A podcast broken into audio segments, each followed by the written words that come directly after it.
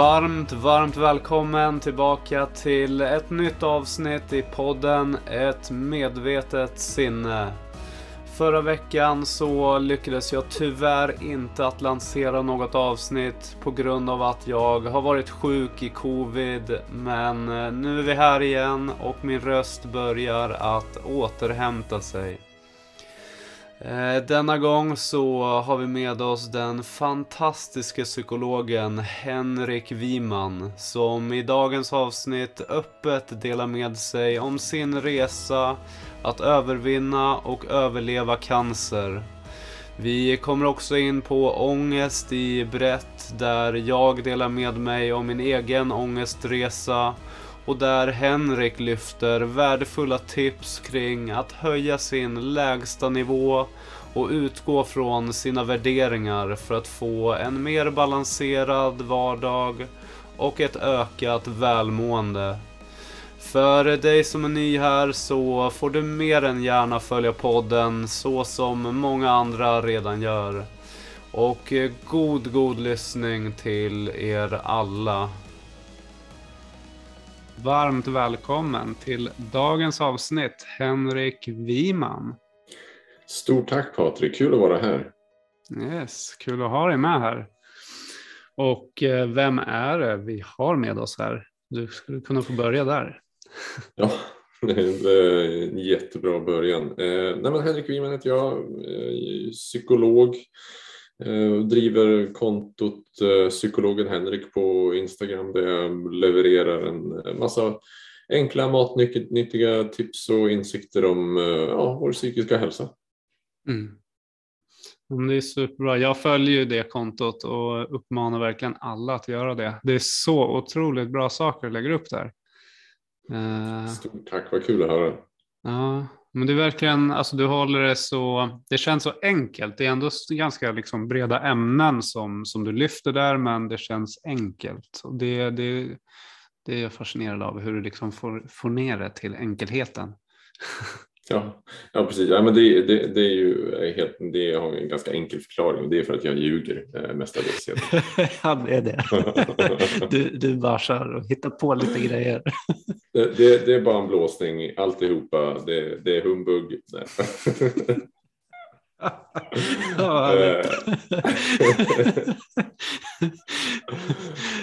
nej, men det, ja, nej, men absolut. Alltså det, det är lurigt att få ner det, men, men sen så, såklart, jag, jag väljer ju ämnen med omsorg också.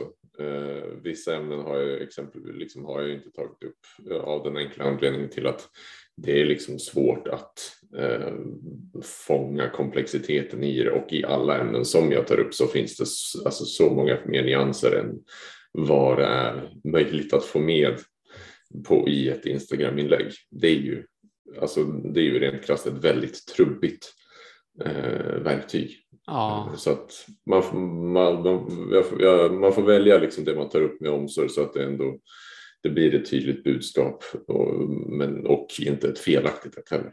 Mm. Ja, men jag håller med dig helt. Det, man får verkligen välja ett kanske specifikt ämne och så där och sen hålla sig till det där. I och med att det blir väldigt, eh, man kan inte bredda ut sig som i en podd här nu. Nu kan vi verkligen fördjupa oss i vissa delar. Kanske inte, mm. eller absolut inte allt då, det, då får vi snacka i mm. det här liksom. Eh, men, um, jag tänker så här, du, för du är utbildad psykolog också och uh, ja. du jobbar med det i vardagen. Ja, precis. Jag jobbar på vårdcentral så, uh, här i Uppsala där jag bor. Så um, mm. ja, jag har jobbat på vårdcentral i princip sedan jag blev klar psykolog. Så att. Mm. Ja, härligt. Mm. härligt. Uh, och sen eh, finns det ju en annan del som jag tänker att vi skulle kunna börja med och det är din, mm. Eh, du har ju liksom också en egen story med, eh, om en, med cancern där som du hade. Mm. Eh, mm. Och den delen känns också väldigt viktig att ta med i din bakgrund. Det kanske också ligger mm. någonting i varför du eh, blev psykolog, det vet inte jag, men du, du mm. överlevde cancer i alla fall och eh, skulle du kunna berätta lite kring, eh, kring de delarna, liksom hur, hur, hur var det Jag vet inte hur man ställer en mm. bra fråga. Nej. Men, ja. Absolut, det, du ställde en jättebra fråga och, och, det, där, det finns inget rätt eller fel när det gäller det. är ett tufft ämne att ta upp och det viktiga är bara att man tar upp det. Um, så nej men absolut, jag hade ju cancer då när jag var under tonåren, uh, 14 och 18 um, var, och gammal var jag när jag fick det. Mm. Så det var ju en var ju liksom precis i, den här, i de här frigöringsåren. Uh, lite grann. Ja, ja man, man, man, kanske tänker tillbaka själv, liksom 14 år, liksom precis ska börja liksom ta reda på, okej, okay, livet, vad, vad är det här för någonting? Hur ska jag ta mamma och pappa, behövs de egentligen? Kan jag hitta min egen väg? Och sen bara smack, nope, sjukhusinläggning, uh, ja, extremt beroende av mina föräldrar och så vidare. Mm. Så det var en, uh, en väldigt annorlunda tid och en väldigt, alltså både väldigt annorlunda och liksom fysiskt och psykiskt väldigt ja, tuff. Det var den absolut. Mm.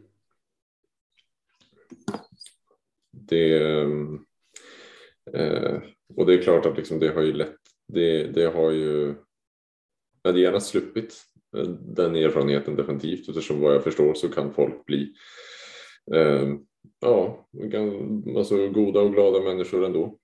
Mm, mm. Så, men eh, samtidigt så finns det saker som man tar med sig. Det är ju, eh, nu, nu har jag fått liksom vara med om den här bajsmackan och är väl lika, lika bra att jag försöker hitta någonting som har varit värdefullt för mig. Mm. Och det tycker jag ändå att jag har gjort. Ja men det är bra. Det känns som en uh, viktig del när man går igenom en en tuff sak i livet, om det är en egen sjukdom eller bortgång eller liknande, de här väldigt stora händelserna som kan påverka en negativt. Mm. Att man eh, försöker då hitta de här positiva delarna i det, för det finns ju jag brukar alltid tänka så att det finns någon form av mening med allt och hittar man meningen och då i positivt eh, sammanhang då, så, mm. så finns det liksom alltid någonting där att hämta. Mm.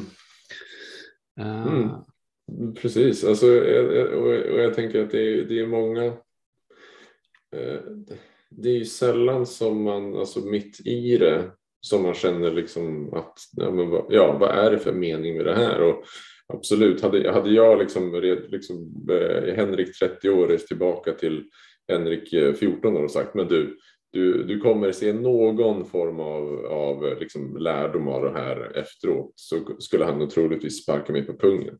Ja, um, det tror jag också. ja, så, så det, det, um, det här liksom att jag nu sitter och säger att det finns liksom någonting som saker som jag har lärt mig har mera att göra med eh, att jag har fått reflekterat nu när jag inte är i stormens öga eh, mm. längre. Mm. Och eh, att jag försöker, har försökt, alltså har själv gjort, eh, försökt skapa mening av situationen, av det jag varit med om. Mm. Eh, snarare än att det var någonting som jag mitt i gick runt och tänkte men oh wow, jag lär mig tacksamhet, hurra hurra. Mm. Utan eh, då var det ju bara pest och pina, med all rätta för det var verkligen bara pest och pina. Då. Mm, mm. Eh, så att, eh, ja. Mm. Ja men det är ju fullt förståeligt och det är ju så det, så det är. Jag tänker bara själv på, jag har inte drabbats av cancer. Jag har haft, det, alltså det som jag hade när jag var runt 18 var ju att jag hade ju eh, den andra delen vi ska gå in här på sen då, om ångest. Så jag hade ju mm. psykisk ohälsa och den är ju, alltså det är ju samma där, jag gick inte runt och tänkte shit vad härligt det här är, shit vad tacksam jag kommer bli senare i livet, det var härligt och fint det är att ha ångest, alltså det är ingenting som är härligt just då. Um, men, nej, nej. Ja, det kommer senare. Finns ja. liksom. Mm. Ja, det där, ja, där kan vara nog så handikappande. Alltså med att liksom ha så pass stark ångest. Liksom.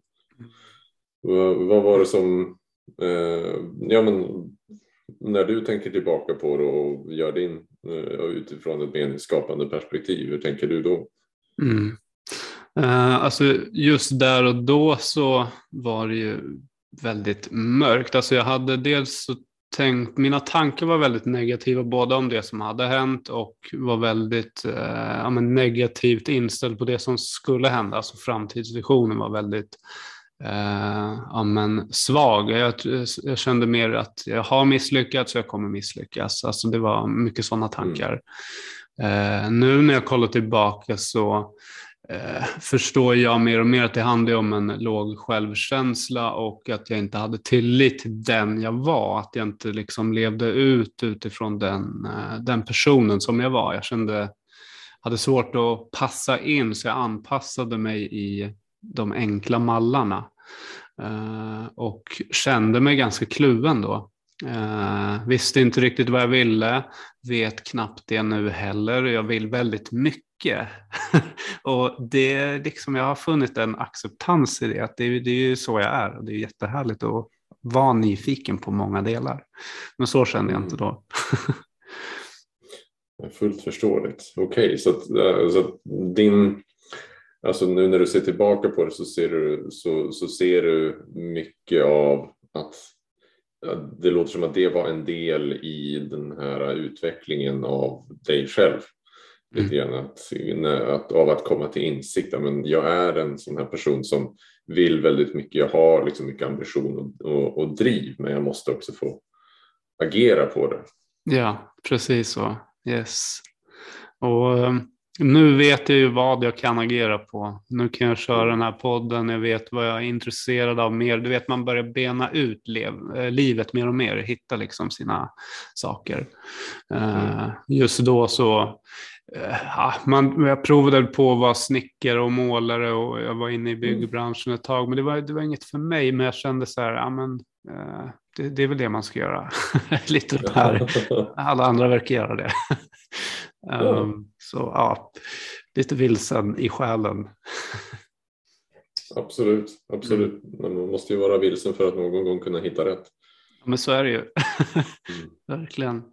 Men för din del då med, eh, jag tänker just med eh, när man får cancerbesked och så, om man går in på eh, döden i sig, liksom. alltså, fanns det någon rädsla inför döden? Eller vad, vad hade du för tankar kring eh, just döden? Mm. Ja, det, är ju, eh, det var ju lite intressant det där. För, för första gången när jag var 14 då eh, så jag tänkte inte jättemycket på döden just då. Alltså, någonstans så var jag medveten om att folk dog i cancer men jag tror jag fortfarande hade liksom inte riktigt eh, man har ju alltid liksom någon sorts eh, tanke om odödlighet när man är i tonåren och ja, även fortsatt i, i livet såklart. Eh, mm. vi, vi gör mycket konstigt. Eh, eh, nej, nej, nej, jag kan inte få hjärta, hjärtinfarkter och så vidare. Det, det händer andra, det händer inte mig.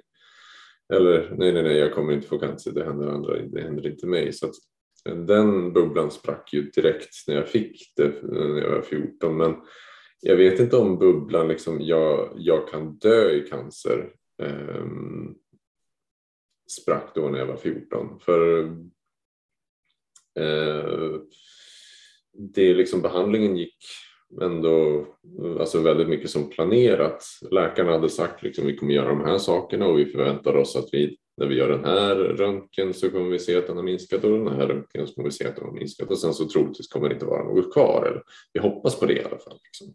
Mm. Och det blev precis som de sa liksom, i första röntgen, den hade minskat eh, väl så att vi bara fortsatte behandlingen och andra gången liksom, kunde de knappt se den, så det toppen. Eh, och vid sista röntgen liksom, de kunde, heller inte se den, de hade prover och så kunde, liksom, fick de inga prover och sådär. Så att de, så att, ehm, och samtidigt som jag även liksom där i början av behandlingsperioden, mamma hade berättat att jag någon gång, jag hade inte ens tänkt på det här, men mamma berättade i efterhand att för vi hade några vänner från USA som skulle komma och besöka oss den våren. jag fick cancer i, fick beskedet, diagnosen i mars. Och de skulle komma och besöka oss typ april, maj eller något sånt där. Mm.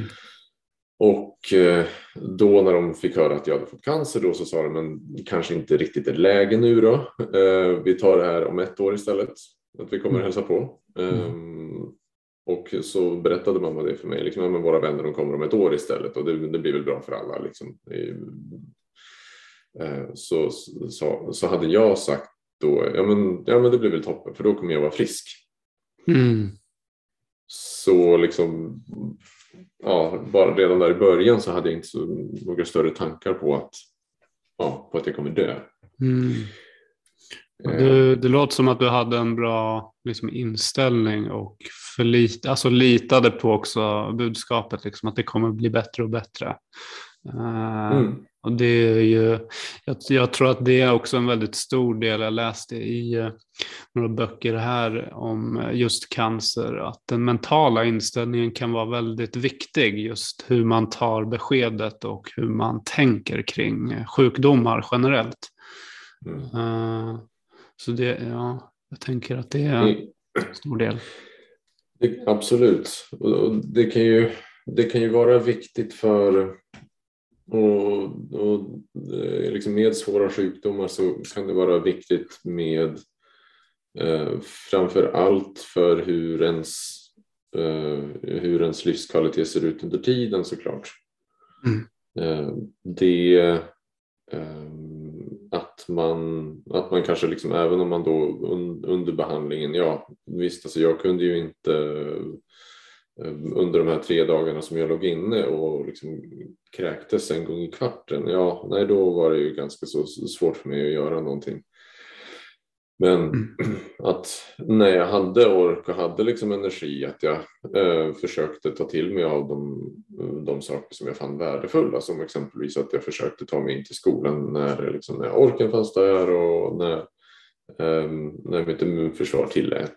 Eh, eller att jag eh, fortsatte med eh, mina hobbys, intressen. Jag lirade mycket trumset då så att, eh, mm. och jag hade en, en grym trumlärare. Eh, jag har fortfarande kontakt med honom idag, Hasse Bruniusson. Han, mm. han, var, han var trummis för proggbandet Samla mammas manna. Vad hette bandet? Samla mammas manna. Samla mammas manna. Precis, precis. Ja. Det är en eh, härlig så här, eh, sexflaxar i en laxas-grej. Mm -hmm, verkligen. Ja. man snubblar på tungan ja. när man drar fram det.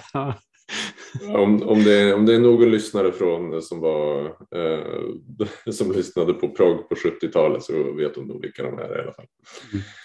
Mm. Eh, men han fixade då liksom så, att, ja, men så att jag kunde få eh, spela in en låt i hans studio och sådär. Men det var lite, lite backing track och spela trummor till och så här. Men lågt enkelt. Men liksom ändå att jag engagerade mig i, i, i det och, och, tog för mig av, av det. Mm. det. Det var nog viktigt för, för mitt psykiska mående, absolut. Mm. Eh, det, sen såklart så var det ju liksom, alltså det var ju en, en stund där, alltså precis när man fått beskedet så alltså det var ju ja, brutalt mycket ångest och stress mm. och bara ja, hemsk, hemska känslor. Eh, så att det var ju alltid det där att ta sig igenom. Mm. mm. Men eh, de dagar man fick i alla fall. Mm. Att göra någonting eh, som man tyckte var trevligt. Mm. Ja, men det känns också som en, en viktig del i liksom själva processen när man eh, upplever någonting tufft och kämpigt. Att man ändå hittar de här uh, nycklarna i livet, eller i vardagen. Att man, ja, för din del, liksom spelar trummor och kommer bort lite från de här jobbiga tankarna och njuter av livet och trumspelandet. Och, mm. Ja, men det, jag tror att det är en väldigt viktig del. Mm. Det är ju eh, det är lite grann man eh, inom psykologin så pratar man mycket om att man ska eh, hitta, liksom, ja, hitta sina värderingar och gå i sin så kallade värderade riktning.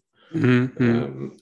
och det, jag tror det, liksom, det ligger mycket grann i det att mm, inte liksom fast, liksom haka upp sig på de mål man har i livet utan mer gå tillbaka till varför det är man gör olika saker. Så att, eh, alltså mål är ju då, ja, men, hade ju varit exempelvis att springa 10 kilometer. Nej, men det kunde jag ju inte då. Mm. Eh, men värderingen kanske var liksom att röra på mig eller, eller ta hand om kroppen och det kunde jag göra. Jag kunde ju liksom röra på mig i den mån det gick. Jag var ju med på eh, gympan då och då när jag orkade och sådär. Och, och, eh, och, ja, och sen liksom med, med trummorna, nu kunde jag ju spela trummor då och då men liksom ändå mm. få, få, få utlopp för det musikaliska.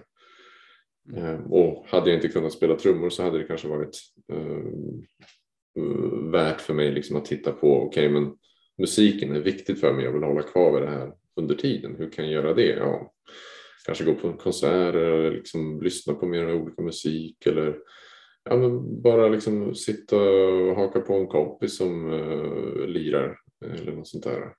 Mm. Ja. Jag tänker precis så som du säger, alltså nu, nu, när du säger det så tänker jag bara på själv, liksom det här med ens eh, grundvärderingar och äh, att leva utifrån dem gör ju att man också känner mer tillfredsställelse i livet, i vardagen. Mm. Uh, och det var väl lite det som jag, ja, som jag var inne på där med min egna ångest, att jag inte följde den. Och då gör det ju att tankarna och känslan liksom fortsätter att stiga om man mm. inte liksom hittar de andra känslorna och tankarna som gör att man känner lycka och glädje och harmoni och så vidare. Uh, så den är ju väldigt viktig och det är inte alltid lätt att uh, eh, ja, men, hitta de här grejerna eh, om man mm. är fokuserad på mål som du säger. För om jag fokuserar på att, ja, som du sa där, att man ska springa ett eh, lopp men kanske bara orkar gå ut och gå så kanske man får ännu lägre självförtroende och, och så vidare och så vidare. Mm. Så det gäller ju verkligen mer man brukar prata om de här, det finns varför-frågor. Varför vill du springa det här loppet? Varför, varför, varför, varför? Och så kommer det ner mm. till en känsla oftast. Mm. Uh, och det är oftast någon, en bra känsla liksom varför man vill springa. Då. Man vill må bra, man vill ha en skön kropp, vara frisk och så vidare. Mm. Nej, mm. Precis, det är, det är ju svinbra. Uh, för det blir ju ofta um, mycket lidande sker ju i den här um, eh, när man ser skillnaden på eh, hur man vill vara och hur man är nu. Ju större liksom avstånd mellan de två desto mer oftast så blir lidandet. Om jag liksom säger att jag vill vara en eh, eh, muskelbyggare med sexpack och liksom 500 miljoner på banken. Ja, då, då, då, då, då, kan du verkligen tro att jag går och lägger mig gråtandes varje natt. det, det är liksom, men om jag istället fokuserar på som du säger, liksom, okay, men varför vill jag vara en kroppsbyggare med sexpack och 500 miljoner? Man, kan, okay, men, mm. eh, man kanske går tillbaka, men som sagt, jag vill ta hand om min kropp. Eh, jag vill eh, vara fräsch och fin. Eh, jag vill ehm, och jag vill liksom ha, eh, ta ansvar för min ekonomi. Mm. Då har vi helt plötsligt smalnat av det där avståndet ganska rejält.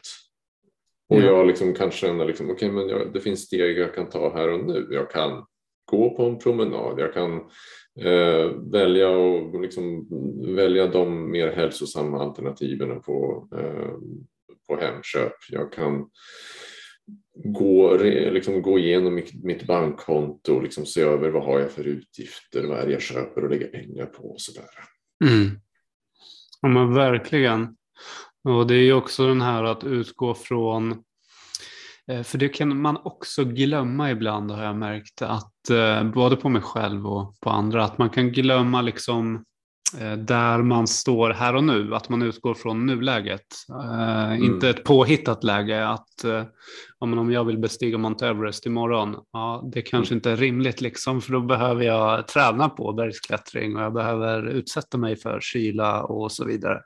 Det är ju lite mm. längre bort, eh, men har man klättrat och så vidare, ja då kanske man är redo imorgon. Mm. Eh, så, mm. Nej men absolut, man, man, man börjar där man är och, börjar med att kliva upp för en kulle eller något sånt där så att man får, får känna på det lite grann. Och ramla ner för den mm. också. Tror också är viktigt. ja. Jag känner det känns. Definitivt. Ja. men det är det, för vi, vi sa ju det här precis innan vi började inspela lite om så här, toppar och dalar lite, för den tänker jag också mm. på det här med, eh, det, det, är ju inte alltid spikrak liksom. Um, och Nej. du nämnde det också det här med Dalarna, om liksom hur, hur man kan få ja, en, en högre lägsta nivå. Uh, mm. Skulle du kunna gå in lite där, liksom hur man ändå håller sig lite ovanför lägsta nivån när man, om man mår mm. dåligt eller liknande? Ja, absolut. Uh, det, för det som brukar ofta ske när, när vi hamnar i de här, eh, alltså, och då med dalarna, då menar jag de mer liksom naturliga dalarna som, som alla människor får då och då. Det är naturligt att känna sig lite nere då och då och känna sig, liksom ha ångestkänslor då och då. Ehm, det är en del av livet, ingenting som vi ska be, liksom behandla eller eh, tvinga bort. Sen så såklart liksom är det så att man mm, ja, inte tar sig ur det på egen hand då liksom ska man ju såklart söka hjälp för att eh, ja, det kanske är någonting annat än bara de naturliga eh, delarna i livet. Bara lite grann som eh, kontext. Men mm. alltså det, det jag tänker för det, det som många brukar upp, uppleva när man hamnar, när man känner sig i, en, i en dal, när man känner sig nere, är ju just att man, man, man får lite den här, man skiter i eh, liksom, inställningen. Man, man struntar i liksom, att uh, gå och lägga sig i tid, man struntar i att liksom, äta något liksom, ordentligt på kvällen. Man, man tappar de här vanliga rutinerna. Mm. Eftersom man har inget intresse av det i och med att det är så det känns just då. Mm. Inget konstigt med det, det är bara liksom, det är så det känns. Och um, grund, eh, liksom grundramen för, eh, för det här är just att utifrån att med beteenden så kan vi enklare påverka våra tankar och känslor. Mm. Eh, och då om vi kanske ändrar våra beteenden, kanske ändå håller fast vid vissa rutiner i vår, i, i vår vardag. Så, och gör dem även om det känns tungt. Mm. Eh, så blir det ofta enklare att ta sig igenom dalarna. Det blir inte så att man hamnar riktigt på botten. Mm. Så att, och då tänker jag på saker som att när, när det känns jobbigt att ändå liksom, ja, se till att man får i sig ordentligt med mat. Se till att man, eh, alltså i alla fall att man går och lägger sig samma tid som vanligt. Det behöver inte vara så att du måste somna samma tid, men i alla fall ge dig den chansen. Liksom. Sticka ut och rör på dig. Eh, Absolut, du orkar, liksom, du känner väl säkert inte på, på samma nivå som du brukar vara om det så att du körde backintervaller tidigare så är det fullt förståeligt liksom, att man inte känner samma liksom, ork att köra backintervaller då. Men i alla fall ja, men ta en liten promenad, röra på sig lite grann. Eh, man får vara snäll med sig, med sig själv men ändå göra någonting. Så. Mm. Eh, försöka liksom eh, ta sig för av det man känner är meningsfullt så är det liksom att eh, för många är det exempelvis meningsfullt att hänga eller prata med kompisar. Försöka liksom ta kontakt med dem. Mm. Är det meningsfullt för dig med andra aktiviteter då försöka engagera dig i dem. Mm. Och sen sista liksom bara som något uh, allmänt kring det här att försöka vara närvarande um, mm. uh, i, i det du gör. Mm. Eh, tankarna kommer snurra runt och förståeligt att det liksom kommer flyga iväg en massa tankar om att det här kommer inte ge någonting, det här är inte så bra eller eh, liksom gå hem, bara att det, det, det är meningslöst. Mm. Försöka liksom ändå skifta fokus då till men nu gör jag den här aktiviteten, vad är det jag ser och hör och, och känner eh, just nu i kroppen bara. Mm. Eh, skifta fokus till där man är. Superbra tips. Uh, Eh, det får mig att tänka på när jag själv eh, har haft liksom kanske inte den värsta ångestattacken, liksom, men en, en ångest i alla fall. Eller en jobbig känsla eller varit nedstämd och inte orkar göra något.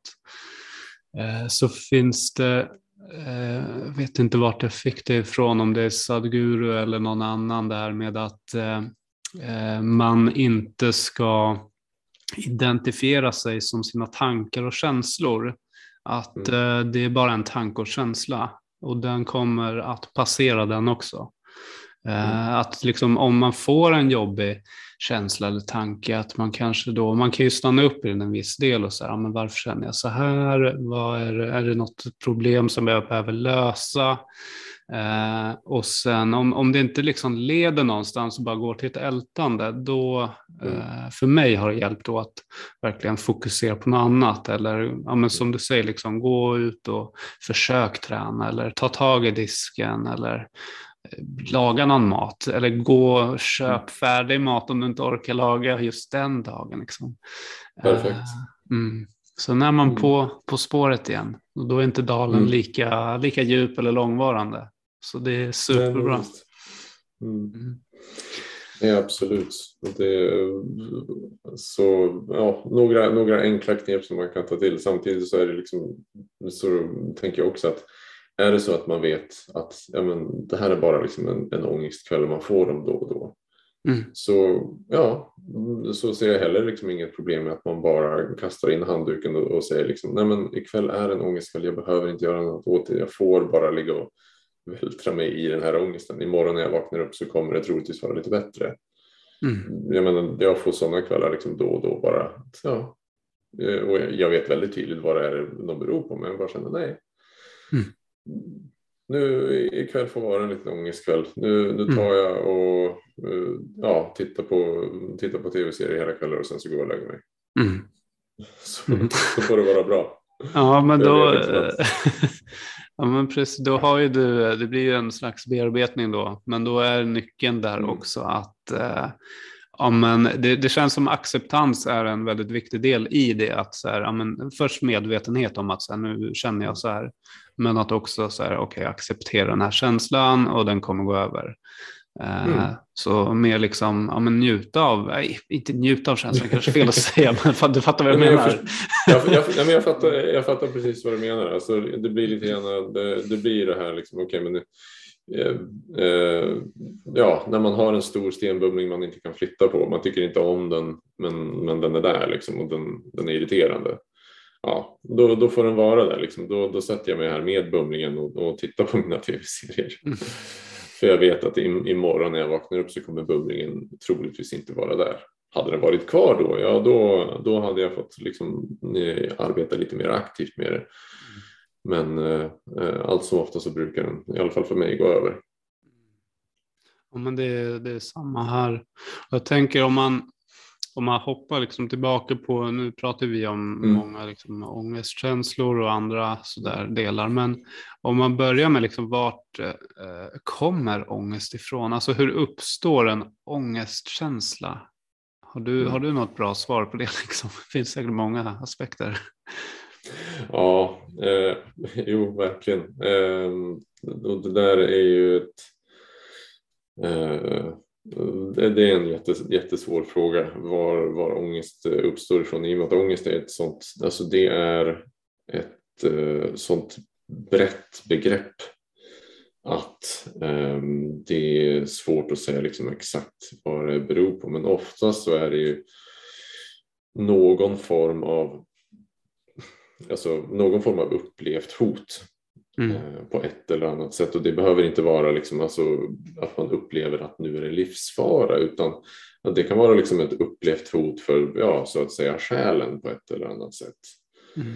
Eh, att man kan uppleva liksom den här, ja, ett existentiellt hot på så vis många kan ju få liksom mer en existentiell ångest. Vad är meningen med livet? Vad, vad, gör jag här? Vad är det för poäng med saker och ting? Mm. Ehm, eller att man eh, upplever ett upplevt hot i form av liksom hur andra eh, ser på Vad kommer andra tycka om mig när jag gör så här? Hur ser de på mig? Nu tycker de jag är dum i huvudet.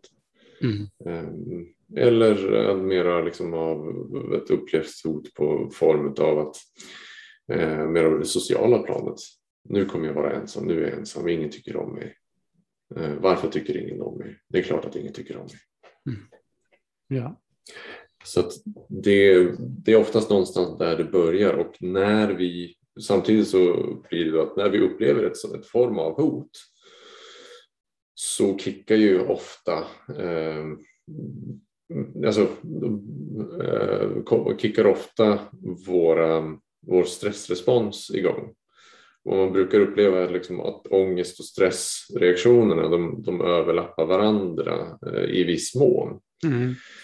Um, sen så såklart är, är, känner vi ofta i alla fall liksom ganska tydligt vad det, vad är ångest, vad är stress. Mm. Men um, de, de bägge kickar igång det sympatiska nervsystemet som är liksom det vårt system för fight or flight. Mm, mm. Um, så det blir ju ofta att man får eh, känslor som att man kanske känner sig mer uppjagad eh, än vanligt. Även om det omkring en är helt lugnt. Man eh, kanske känner liksom att eh, kroppen blir mycket varmare, man kanske börjar svettas, man kanske får tryck över bröstet. Man kanske liksom blir rastlös eh, eller liksom har svårt att koncentrera sig eller får tunnelseende. Mm. Det finns många olika symptom. Mm. Ja, du beskriver, alltså det som du berättar nu beskriver verkligen min ångest som jag hade för drygt tio år sedan. För det mm. var, och vissa perioder var ju värre än andra. Eh, men det var ju verkligen så att jag sov knappt någonting. Eh, och eh, jag gick runt med en klump i magen och även i halsen. Jag hade liksom och ett tryck i bröstet som att jag inte kunde andas. Det var nästan som man blev mm. kvävd på något sätt. Och ja, men det, man kunde uppleva att man nästan var på väg att spy och eh, var yr. Som att liksom hela världen nästan snurrade lite grann. Mm. Eh, mm. Och eh, det är någonting som jag också, jag läste det här i morse på på ångestgruppen här på Facebook så är det en del som skriver då om sin mm. ångest och mm. man försöker stötta varandra och så. Superhärlig grupp. Mm. Och eh, där pratar de just om ja, de normala, alltså det som jag såg som var liksom det mest normala är liksom sömnproblem, ensamhetskänslor och eh, mm. Eh, jag tänker på, ser du någonting där i ditt arbete med ångest, är det också så vanligt förekommande eller vad är det som vad är vanligt förekommande? Ja, ångest är ju, det är ju verkligen så sjukt vanligt att man eh, söker för det. Mm. Um, absolut det, och, och, och, som, du, som du säger, liksom, det är någonting också som kan eh, förvärras av liksom kontextuella faktorer. Eh, så är det så att man har en period av andra anledningar men dålig sömn.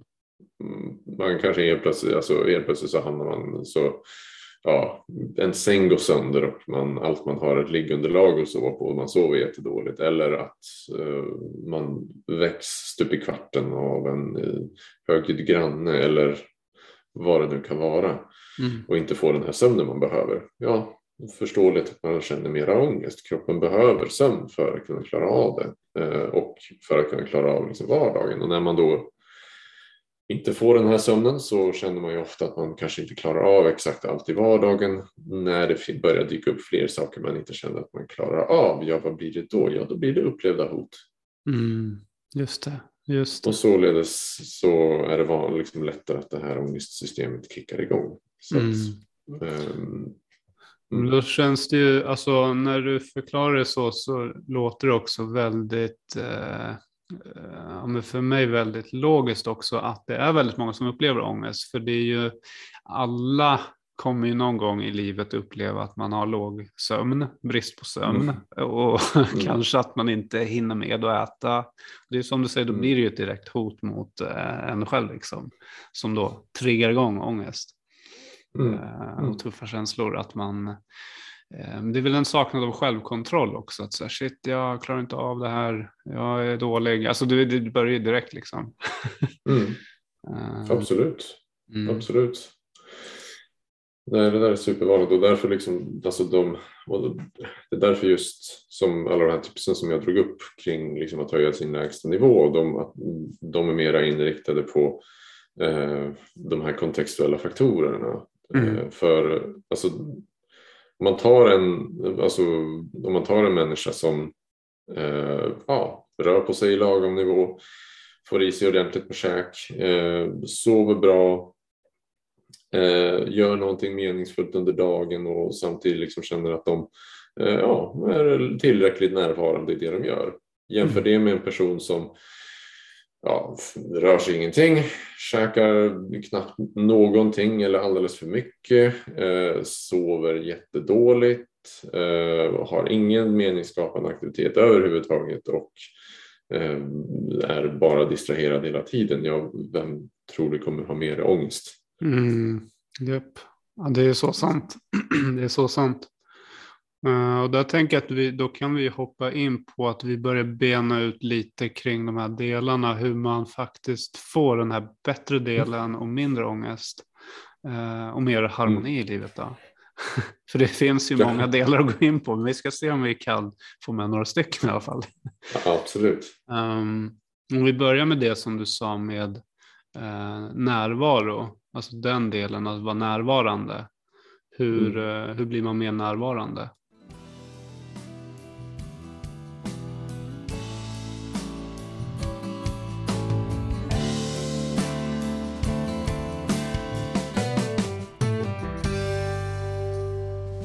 Vilket eh, fint och eh, öppet avsnitt det här blev med eh, Henrik Wiman.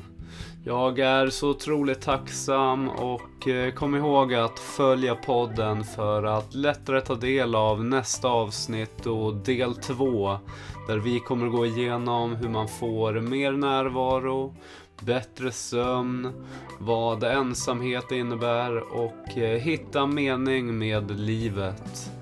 Följ gärna Henrik på Instagram också för mer tips och råd. Och eh, ta mer än gärna kontakt med någon utav oss. Må bäst och tack för denna gång så hörs vi snart igen.